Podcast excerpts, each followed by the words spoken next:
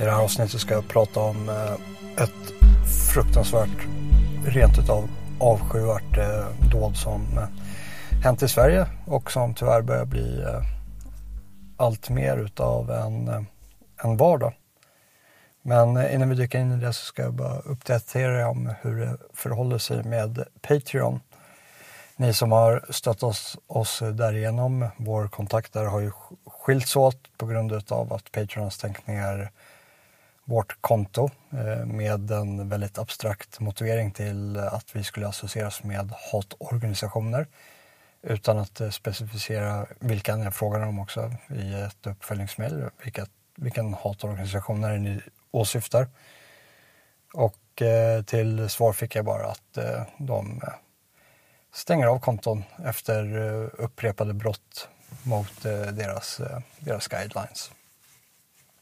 Så ingen vidare motivering och eh, det, det är ett helt absurt för, förhållningssätt, speciellt den arrogans och fräckhet eh, de har att i det första mejlet när de bara hänvisar så här löst att ja, men om du vill överklaga eller vill komma in med ny information så kan du bara svara på det här mejlet. Men det finns ju inget att bemöta, man vet ju inte vad det är man bemöter. Det är ett väldigt rättslöst sätt att Eh, Eh, bedriva det här på, speciellt i synnerhet också när de bara klipper bandet mellan eh, de som har varit med och stött oss därigenom till eh, oss som kreatörer. Det finns liksom ingen respittid till att eh, ta kontakt med dem och eh, föra över dem till en annan plattform. Så det, det, det är ju ett väldigt dåligt hanterande. Men jag skrev i alla fall och frågade vilka hatorganisationer som åsyftas eller vad det är för hatiskt innehåll vi har skrivit eller spridit och eh, till svar fick jag bara att de stänger av konton fall de bryter regelbundet mot deras guidelines. Alltså så ett, eh, ett icke-svar. Och nu rör det här Patreon, Big Tech. Vi har ju sett det med Youtube tidigare hur aktörer har slängts eh, ut därifrån med samma modus operandi. Vi är ju fortfarande kvar där, får se hur länge vi, vi blir det. Men det är väldigt många som har blivit utslängda, purgade och det var ju en driver, det var ju flera som blev utslängda från Patreon nu så troligtvis har de ju bara gått från en ny uppdaterad eh, lista från eh, vänsterextrema som har ägnat sig åt förtal och, och smutskastning. Och de här listorna kan ju utgöra ett smidigt underlag för de här företagen att inte behöva hänvisa vidare. Så Big Tech har ju ägnat sig åt det här väldigt, väldigt länge men eh, det här är ju en eh, verklighet för eh, många människor och eh, kommer bli en eh, verklighet för oss också om utvecklingen fortsätter åt det hållet det bär hän. Att de regioner i Kina som har infört ett digitalt ID de kan stängas av från att gå in i sin motsvarighet till ICA-butiken, att åka lokaltrafiken med eh, samma lösa motivering att ja, men du har brutit mot eh, statens eh, policies här så nu får du inte ta del av livsnödvändig infrastruktur. Du får inte gå in och handla i den här ICA-butiken. Och det är så en maktförskjutning kommer att se ut ifall vi eh, skaffar en sån form av ett Eh, digitalt ID som är knutet till ett eh, social credit score även, eh, även här och det är inte så långt borta. Det har börjat mätas och testas över om man kan man begränsa människors köputrymme baserat på klimatavtrycket på de produkter som de handlar och så spärras det kortet då från vidareköp när man har uppnått en viss eh, kvot. Och är man inne i en sån här infrastruktur finns det ingenting som hindrar att den som sitter på kontrollen väljer att eh, stänga av de här funktionerna eh, oberoende av vad eh, den här, fall den här kvoten har uppnåtts eller inte utan man stänger av det på grund av andra förevändningar för att eh, hålla, hålla människor i, i schack så att säga. Och det här, det här är ingen skillnad, det här är bara en försmak över vad som komma skall och Ja, men då är vi aktörer som har varit med och arbetat med, med det här ett tag. Vi har ju akklimatiserats till att eh, veta att det är ett normalt förfarande, men det är, det är väldigt få som eh, reagerar på det och ser vart det, vart det kan eh, bära hän. Vilket är, vilket är väldigt tråkigt. Men eh, i alla fall ett stort tack till er, till er som har varit med och stöttat eh, oss på Patreon de här senaste åren och eh, vi har nu öppnat upp på Substack, eh, vilket är grundat av några människor som har ett starkare frihetsideal. Och det kommer upp de här alternativen på grund av den åtagande censuren. Så stötta oss gärna där eller skicka in ett bidrag till Swish 123 0265 298. 123 0265 298. Jag läste en eh, nyhet som jag blev väldigt illa berörd av på, på Morgonposten. Eh, där en eh, svensk familj har varit och badat i ett badhus i, i Lund och där är det då ett invandrargäng och som håller på att trakassera andra gäster. De, den här familjen går till personalen och försöker få, få hjälp. Personalen vet väl bättre än att eh, lägga sig i, tyvärr. Det är ju det samhället vi, vi lever i, eh, vilket eh, resulterar i att det här hela eskalerar och det här gänget sliter av hela bikinin då för den 11-åriga flickan i den här familjen eh, som hade klagat på det här gänget. Då. Sliter bort eh, bikinidelen, eh, trosorna och eh, det gör att eh, den här familjen då ringer polisen. Polisen kommer dit och eh, avvisar de som var mest drivande i det här. Och deras mamma, i det här gängets jag vet inte hur många familjer den här grupperingen bestod av men mamman till barnen som blev avvisade ringde i alla fall sina, sin äldre son som eh, kom dit och eh, skulle försvara då den här heden och eh, misshandlade pappan framför sina barn. Det var tre barn och, och sin fru står och sparkar honom i huvudet. Och samtidigt står den här mamman och, och hejar på och pekar ut den här familjen då som ska då kränkt, kränkt deras, deras heder. Och de hävdar ju såklart att de blev utsatta för, för rasism då. Så en, en familj, tre barn, småbarn. Eh, äldsta 11 år, en liten tjej, får eh, sin, sina trosor eh, bikinitrosor, bikini eh, avsliten utav det här, det här gänget. Mamman ringer polisen. Eh, förövarnas mamma ringer dit sina äldre barn som då misshandlar pappan på parkeringen framför sin familj, framför de här tre barnen och, eh, och sin fru som eh, är oförmögna att eh, stoppa det. Och när man läser om sådana här saker, vilket tyvärr börjar bli allt för ofta så börjar man, ja men den första instinktiva känslan är att ja, men, vi måste ju ha någon form av massiv återvandringsprogram. Det, vi kan inte leva kvar i det här.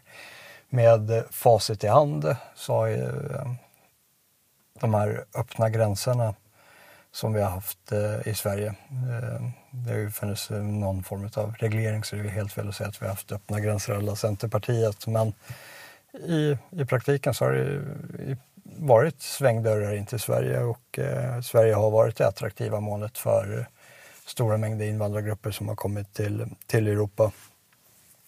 Och nu ser det inte bättre ut i de andra europeiska länderna som eh, har eh, tagit emot eh, mindre.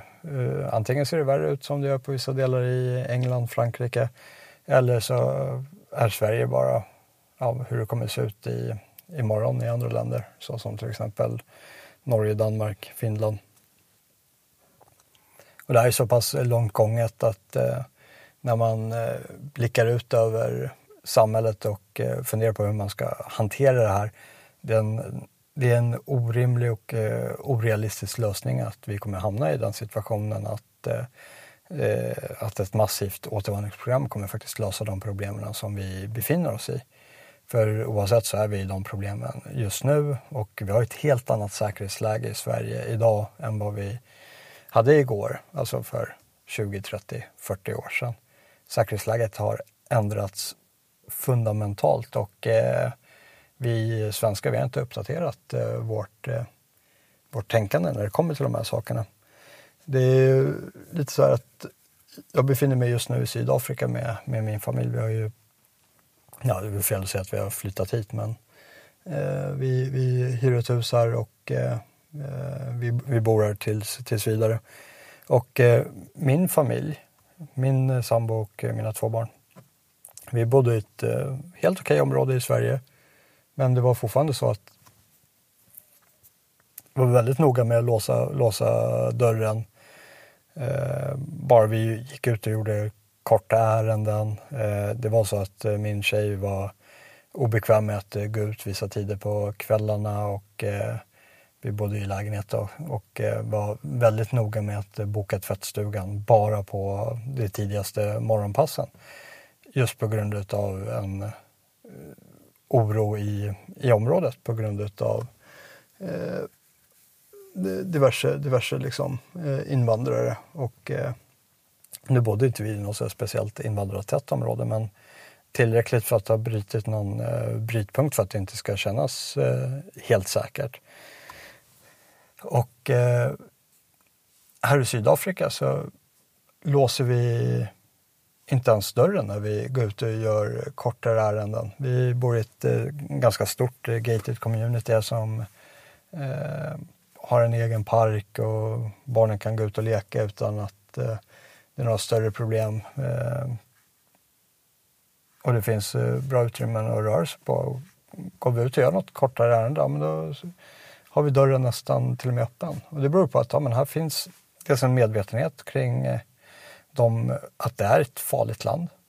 Och det, det är nästan det som blir den här eh, paradoxen att ja, men, det är ingen som kan ifrågasätta att Sydafrika är bra mycket farligare än vad Sverige är. Men just den medvetenheten gör att vi kan leva tryggare här på ett tryggare sätt över hur det känns för oss än vad vi kan göra i, i Sverige. Och eh, jag tror att ett nyckelord är faktiskt ja, men, hur det känns. För är det någonting som eh, vi människor är väldigt, väldigt duktiga på, det är att rationalisera bort en, en magkänsla, den här eh, intuitionen av att ja, men någonting är fel. Och eh, jag gillar den definitionen utav vad en no-go-zon är bra mycket bättre än de här statsvetenskapliga definitionerna över att ja, till exempel att blåljuspersonal inte kan vara verksamma i det området eller att man inte kan åka in med, med blåljus under vissa, vissa timmar på dygnet. Och det är att eh, om du går in i ett område och du inte känner dig hemma och bekväm där, att du känner att oh, här måste jag kolla mig över eh, axeln, här känner inte jag mig trygg. Ja, men det är en no-go-zon. Det är inte så det ska kännas i ens hemmiljö. Aldrig någonsin har det känts så i någons hemmiljö där man ska vara trygg. Eh, det är ju klart att eh, brott även har förekommit eh, förr i tiden och man kan känna sig förföljd eller någonting som, som gör att den känslan kickar in. Och det är en sån känsla som när vi lyssnar på den som håller oss vid liv. De här känslorna finns utav en väldigt fundamental anledning. Och vi är duktiga på att rationalisera bort dem. Till exempel, och speciellt idag, alltså vi som eh, eh, väsen, eh, ja men som Aristoteles eh, definierade människan utifrån att eh, ja, men vi är förnuftsmässig.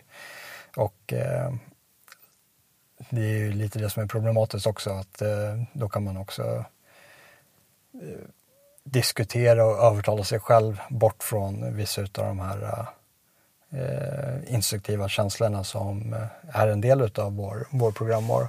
Det finns ju inga andra djur, mig vetligen, som eh, hänger sig till sånt eh, självdestruktivt beteende att man hamnar i en situation man känner att ja, men, här är helt fel för mig att vara. Det här är inte tryggt. Jag utsätter mig för, för fara att vara eller utsätter min familj för fara genom att vara här. Och jag, jag kan lämna. Men jag väljer att inte göra det för att det kanske kränker någon. Jag kanske befinner mig i en miljö, till exempel eh, som det här badhuset med eh, min familj. Jag får en dålig känsla kring det här invandrargänget som håller på och stökar. Men jag vill inte lämna för att, ja men hur ska det här eh, se ut om jag lämnar?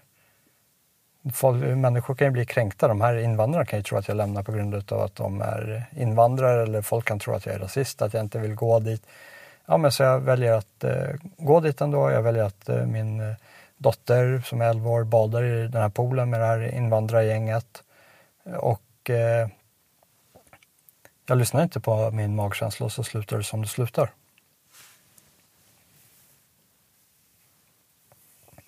Och det är en eh, viktig aspekt eh, i det här. Och det, är, det är någonting som eh, vi måste bli bättre på att eh, lyssna på. Den eh, institution som faktiskt många gånger vägleder oss rätt. Att ja, men, om en sak inte känns tryggt, ja, vi kan inte bara hänvisa till vår abstrakta rätt över att ja, men, det här är Sverige, det här är mitt land, jag ska kunna bada här om jag vill. Jag badade själv i lokala simhallen när jag växte upp och mina föräldrar gjorde det. Eh, det ska, får inte gå till så här. Eh, och eh, vi, vi har rätt att vara här. Vi måste uppdatera det säkerhetstänket för uppenbarligen så har vi inte en rätt att vara där. Vi eh, finns ingen, och det, det är här som är så hemskt i den här situationen, att den här mamman till de här förövarna som gav sig på den här 11-åriga flickan, hon kunde ringa dit folk. Och eh, här är en stor krock mellan de här människorna som vi har tagit in och eh, oss själva. Att de hanterar konflikter med hjälp av klanen, med hjälp av sin släkt. Och eh, det är bortom rätt och fel. De kan eh, eskalera i när det kommer till väldigt, väldigt små eh, konfliktytor som vi, nästan en axelryckning för oss och går från 0 till 100 med att ja, men helt plötsligt så är det inte bara den här personen som du eh, hade någon eh, liten konflikt med som eh, om det hade varit en svensk så hade man bara löst det med ett, eh, med ett samtal men helt plötsligt så står en farbror där och någon kusin och och det är väldigt, väldigt många och det är väldigt hotfullt och du riskerar att nu att råka väldigt illa ut. Och det är väldigt få svenskar som har några som de kan ringa. Och sen så är det väldigt få svenskar, får man vänder på det, som faktiskt ringer någon även fast de kan. Bara föreställ er den här mamman. Föreställ er att er mamma, eller liksom er fru, mamman till era barn, skulle ringa er och försöka dra ut er till att börja slåss eh, för att eh, era andra barn eller andra syskon eller någonting som har gett sig på någon stackars liten flicka. Och nu ska ni gå och läxa upp den flickans pappa. Det är, alltså det är så verklighetsfrämmande, det existerar ju inte. Och om det hade existerat en svensk familj som hade betett sig på det här sättet, en svensk mamma som ringer ut sin sin äldre son efter att eh, deras, hennes andra barn hade slitit av en invandrarflickas eh, bikinidelar som var 11 år för att sen misshandla farsan. Det, det hade ju inte varit en, eh, ett slut på den mediateckning som hade getts där. Och då inte bara nationell media, det hade ju blåsts upp internationellt. Så det är, det är, en enorm skillnad. Och det flyter in också till med eh, varför vi blev utslängda från Patreon. Vi blev utslängda från Patreon för att vi diskuterar de här sakerna. Det här är det hatiska innehållet som de eh, refererar till. Och det sker ju med eh, etablissemangets eh, backning. Det är ju samma eh, ägarstrukturer, samma människor bakom big tech som det är bakom eh, big, eh, big media som i sin tur är med och influerar våra, våra politiker. Och här är det största problemet att de kan influera våra politiker på ett väldigt fundamentalt sätt för de sitter på sina poster på livstid. Och här förhandlar de, om man ska se det politiska spelet som en eh, förhandlingsakt, så här förhandlar de med aktörer som bara sitter fyra år i stöten. Så föreställ dig själv att du sitter på, inte bara livstid, utan en eh, mellangenerationell livstid så att eh, dina barn kommer ta över förhandlingarna vid ditt bord sen och så ska ni förmå eh, någon politiker som sitter där för fyra år att införa policies eh, som ligger i enlighet med vad ni vill. ja men om ni missar ett eh, fyraårsfönster, vilket eh, kanske var fallet då med Trump, ja men då bidar man sin tid och sen får man in sin Biden som kan eh, skruva upp den där tiden som man missade. Och, och, och där någonstans längs hamnar man i en downward spiral, down to hell. Eh, och alla de här sakerna som vi ser är ju eh, vart det bär hän att eh, vi går mot en allt mer centralisering. Eh, nationerna ska spela mindre och mindre roll varpå det är viktigt att eh, vi fyller våra länder med massa intressekonflikter av att ingen nation kan bara fråga sig själv över om man ligger här i nationens intresse.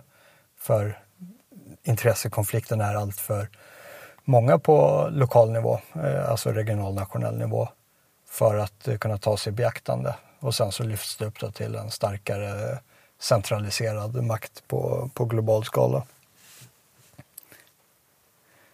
Under, under, deras, eh, under deras direkta inflytande. Och de här krafterna de vill att eh, vi ska ha det så här och därför så sker det inga större förändringar oavsett vilket parti vi röstar på här vart, eh, vart eh, fjärde år. Och eh, det är också därför det inte blir någon större mediestorm när de här eh, avskyvärda dåden, dåden inträffar. Men eh, det här är eh, vår eh, omgivning och det måste vi förhålla oss till. Och det kommer inte förändras inom en, en närtid. Det enda som kan förändras är hur vi förhåller oss till hur vi svarar på det här. Och då, är den stora frågan, men hur hanterar man detta?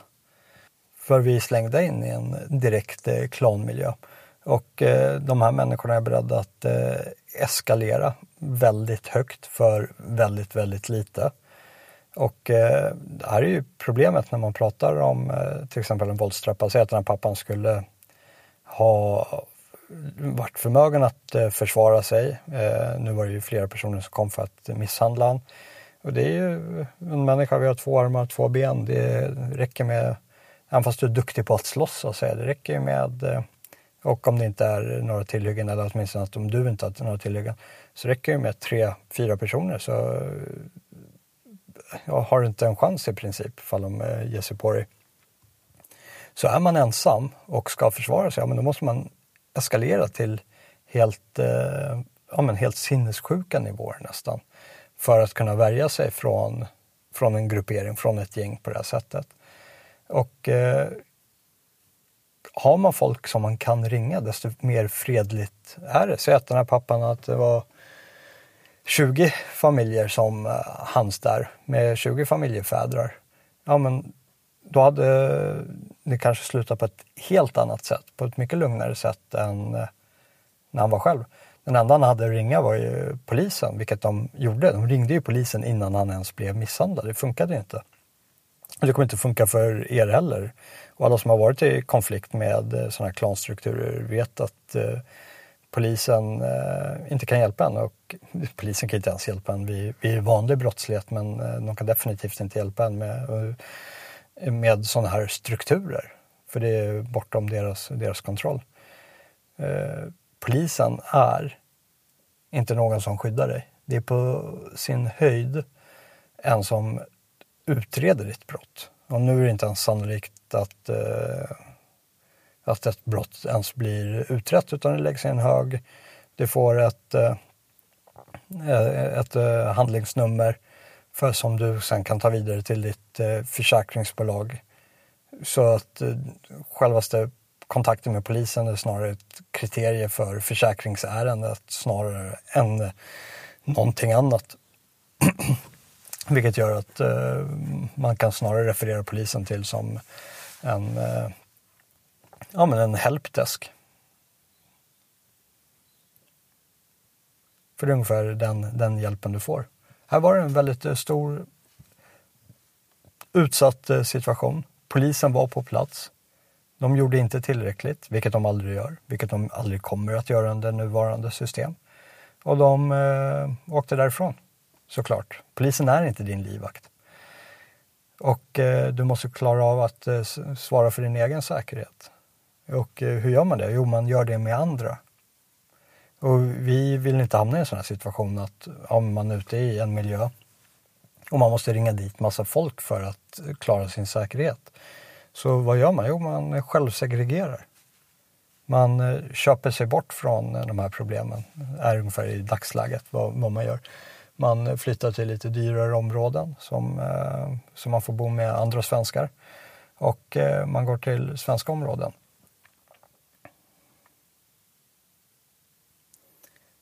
Och de svenskar som inte har råd med det, ja men de kommer inte anpassa sig efter eh, svensk lag. Utan de kommer anpassa sig efter den lagen som råder i det område där de bor. Och är det ett sånt här område, ja det kommer forma deras eh, beteende. Är det en eh, ensam tjej som bor där och hon måste röra sig ut eh, vid någon dålig tidpunkt, behöver inte ens vara det, det kan vara mitt på ljusa dagen ja, men då kommer hon också klä sig på ett sätt som gör att hon inte heller blir trakasserad utav det normsystemet som de här invandrargrupperna upprätthåller. Kanske till och med sätta på sig en, på sig en slöja helt och hållet. Även fast hon inte är troende och inte muslim. Men gör det för att bli, bli lämnad i fred. Och det är så här, ja men hon gör det för att bli lämnad i fred och det är också den anledningen varför eh, de här kan ge sig på henne. För det här är ju liksom fastställt sedan länge när man har kollat på den eh, brottslighet som har varit som är riktad från invandrare mot svenskar. Och det är att de blir lämnade i fred efter att de har gett sig på svenskarna. Det finns ingen kostnad alls kopplad till det. De vet att eh, det är ingen släkt som kommer att hämnas. De vet att det finns inga vänner som kommer att hämnas. I alla fall inte i den numerören så att de utgör något eh, egentligt hot mot, eh, mot eh, den eh, som eh, begår brottet mot de här svenskarna. Och de vet att eh, svensk eh, polis inte kommer göra någonting. Och om de eh, gör någonting och att eh, de blir dömda så är det ändå ett kort straff. Och det är ingenting som kommer påverka de saker som de uppskattar högt, vilket är eh, sin egen grupp, sin klan de blir inte utfrysta från den på samma sätt som en svensk skulle skämmas inför sin släkt för den vika ett sånt här brott. Där är det snarare tvärtom. Att eh, säga att den här mamman, eh, muslimska mamman som ringde dit det äldre barnet för att misshandla den svenska pappan. Om äldre barnet bara, men mamma, vad håller du på med? Du får ju säga till eh, syskonen där att de inte kan hålla på att slita av bikinin på barnen och det är väl klart att jag inte kommer dit för att misshandla någon annan människa. Du har ju betett dig jättekonstigt här. Då hade ju den personen blivit eh, utfryst av sitt sammanhang, sin släkt istället. Det fanns ju bara eh, en sak för eh, honom att göra och det är att eh, åka dit och, och misshandla den här pappan för att det ligger i enlighet med deras eh, värderingar, vad de värderar. Och det är, de värderar den klanstrukturen som de har. Och eh, vi svenskar gör det inte. Och sånt här måste man segregera sig ifrån. Man måste upprätta sina egna områden, sina egna badplatser och eh, börja andas en eh, spirit decor över att ja, men, här är det vi som lever och vi lever på det här sättet och sen så upprätthåller man det. Och det gör man i enlighet med vad många svenskar har gjort, att de har flyttat från de här problemen och flyttat till svenska områden. Men problemet är att eh, det är inte uttalat om varför de har flyttat. De har eh, valt att eh, flytta på grund av att ja, det är trevligare natur här eller Alltså falska förevändningar till de faktiska anledningarna till varför de flyttade från problemområden till, till mer svenska områden. Och det är ändå någonting som måste artikuleras för man vill bibehålla ett tryggt område. Är att, ja, men varför är det här området tryggt? Ja, men det är tryggt för att jag vet vad det är för värdesystem här som råder. Jag vet vilka normer det är som existerar här. Jag vet att det är människor från samma kultur som mig. Och eh, det är ju så man läser av människor. Att jag vet hur de här människorna kommer att eh, agera i många avseenden innan det ens har inträffat. Och det är det som gör att man får en, en eh, harmoni i ett samhälle. Som till exempel här i Sydafrika, varför eh, eh det här området som eh, eh, vi bor i. Här nere känns, känns helt tryggt. Det är helt homogent. Alla här har samma kultur. Eh, samma förhållningssätt till det här samhället. Alla vet varför vi bor i det här gated communityt. Och eh, det blir en helt annan samhörighet. Eller den här lilla staden Orania som jag ska åka och besöka här om en, om en vecka och eh, göra ett reportage ifrån. Det är tryggaste platsen i, i Sydafrika. Och det är för att de bor med, med varandra. De vet vilka deras grannar är. Att det är människor som eh, bryr sig om dem. Att de har samma utgångspunkt i hur de eh, betraktar samhället. Vilket gör att man inte behöver eh, gå runt och känna den här eh, klumpen i magen när man går ut i sitt egna kvarter. Alltså det, det, är någonting som är så omänskligt över det. Att vi har byggt upp ett samhälle eh, som saknar eh, någon form av historisk motsvarighet till över eh, hur ett hem ska vara. Det är nog få gånger inom eh, vår mänskliga historia där eh, vi har valt själva att bo i ett område där vi känner att ja, men här kan inte jag riktigt gå ut. Som är fallet för framförallt, det är väl lättare fast killar blir utsatta för en annan form av eh, brottslighet eh, än vad tjejer blir. Så eh, är det ju eh, mer en eh, känsla för, för tjejer än för killar. I alla fall i högre, högre utsträckning. Just på grund av att eh, det är svårare för tjejer att försvara sig själva plus att eh, de sitter ju på andra saker som många förövare är ute efter. Eh, den, den sexuella brottsligheten. Även fast Eh, den har ju även börjat komma till svenska pojkar men då kanske mer åsyftning utav förnedring. Eh, med grova, grova förnedringsrånen.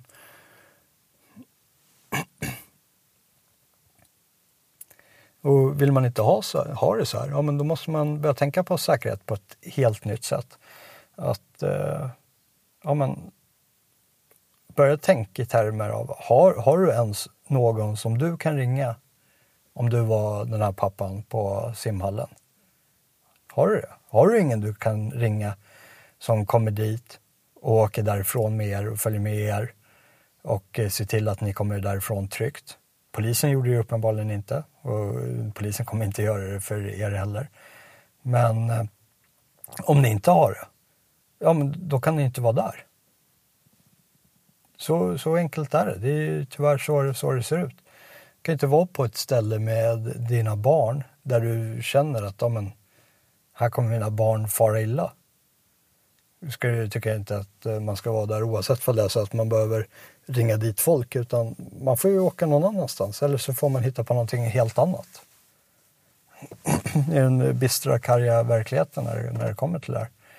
Och eh, att man måste börja tänka i form av nätverkande, inte bara på grund av eh, Eh, ja, men varför nätverkar man fall, ja, men fall det för eh, att, att det ska kännas bra för en socialt, att det ska skapa kanske affärsmöjligheter för en.